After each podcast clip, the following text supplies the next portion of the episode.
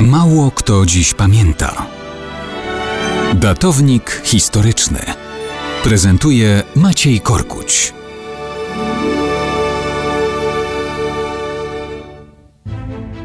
Mało kto dziś pamięta o tragicznym finale przeglądu wojsk chrześcijańskich w Akce przed obliczem niekoronowanego władcy Królestwa Jerozolimskiego Henryka z Szampanii.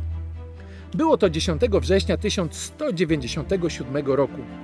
Henryk to najstarszy syn hrabiego Szampanii, po matce wnuk króla Francji Ludwika VII. Miał wówczas 31 lat. Siedem lat wcześniej wyruszył na czele kilkudziesięciu rycerzy i dwóch tysięcy piechurów na wyprawę krzyżową. Oblegał Akkę w oczekiwaniu na swoich krewniaków, króla Anglii Ryszarda Albieserce i króla Francji Filipa Augusta. Akka w końcu zostaje zdobyta. Henryk pozostaje na Bliskim Wschodzie. Niedługo potem zmierza do Tyru z wieścią dla Konrada z Monferratu o jego wyborze na króla Jerozolimy.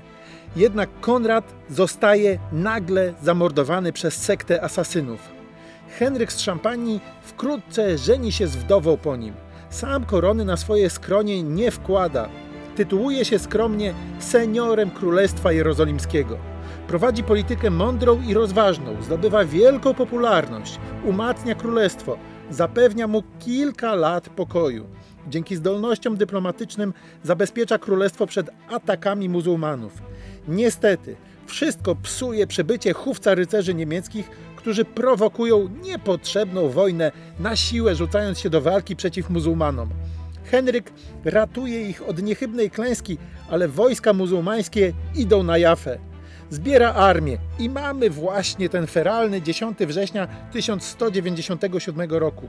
Henryk z Szampanii, stojąc w oknie, dokonuje przeglądu zgromadzonych rycerzy. Kiedy do komnaty wchodzą posłowie pizańscy, obraca się.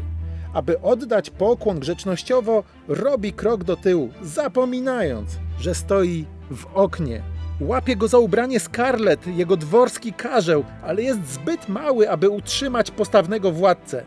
Obaj wypadają przez okno, ponoszą śmierć na kamiennym bruku. I tak bezsensownie kończy się żywot seniora jerozolimskiego Henryka z Szampanii.